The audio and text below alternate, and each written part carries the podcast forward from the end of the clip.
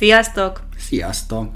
Ez itt a Hungarize Podcast, ahol történeteket mesélünk nektek magyar tanulásról, magyar nyelvről, magyar kultúráról. Az előző epizódban Mariandel megható történetét osztottuk meg veletek, a mai epizódban Wayne történetét fogjuk elmesélni nektek.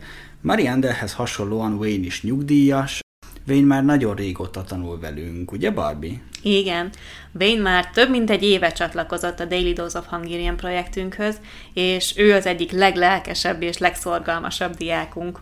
Igen, tényleg nagyon aktívan válaszol a napi kérdésekre. Bizony. Ráadásul konzultációkra is szokott jelentkezni, így van szerencsém sokat beszélni vele.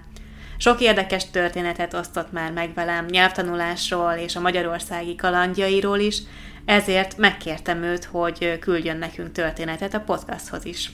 Akkor nézzük is meg, miért és hogyan tanul Wayne magyarul. Ha szeretnétek elolvasni is a történetet, a podcast átiratát megtaláljátok a Patreon oldalunkon.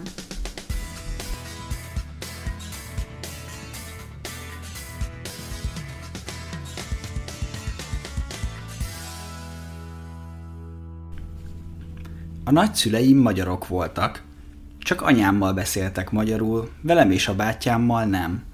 Megszoktam a magyar nyelv hangzását, de egy szót sem tudtam magyarul. Tudtam egy kicsit a magyar rokonaimról, akik Szegeden és Kolozsváron laktak.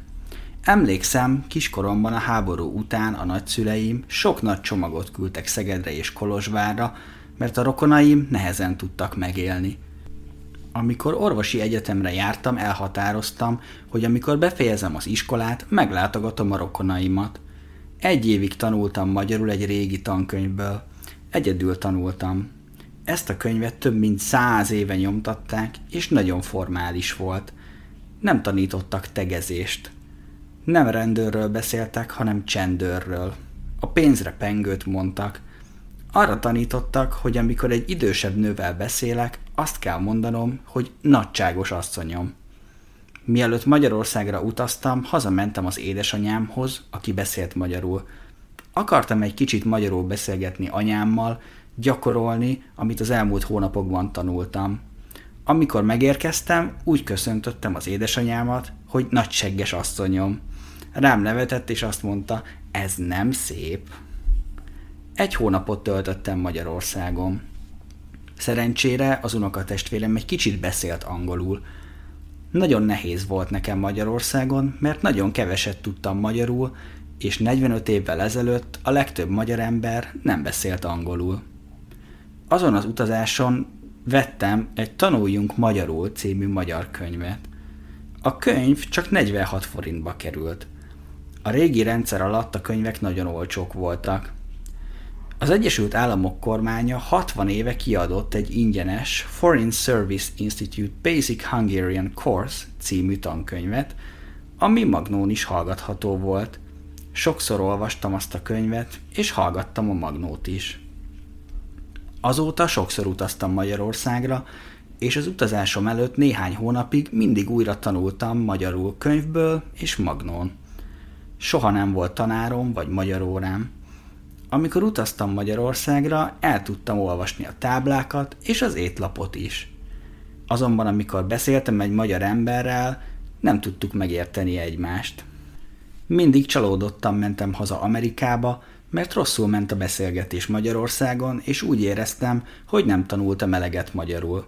Amikor dolgoztam, nem volt elég időm magyarul tanulni. Most nyugdíjas vagyok, és a helyzet nagyon más – az elmúlt két évben minden nap tanultam magyarul. Minden héten beszélek egy pár magyar ismerősömmel Zoomon. Néha nézek amerikai Netflix sorozatot magyar felirattal és hanggal.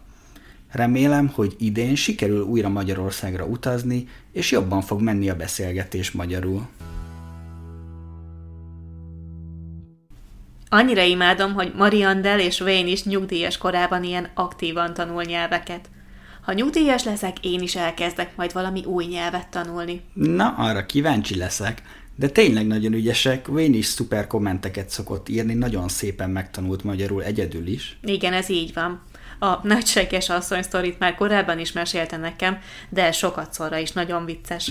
Igen, azon én is nagyot nevettem.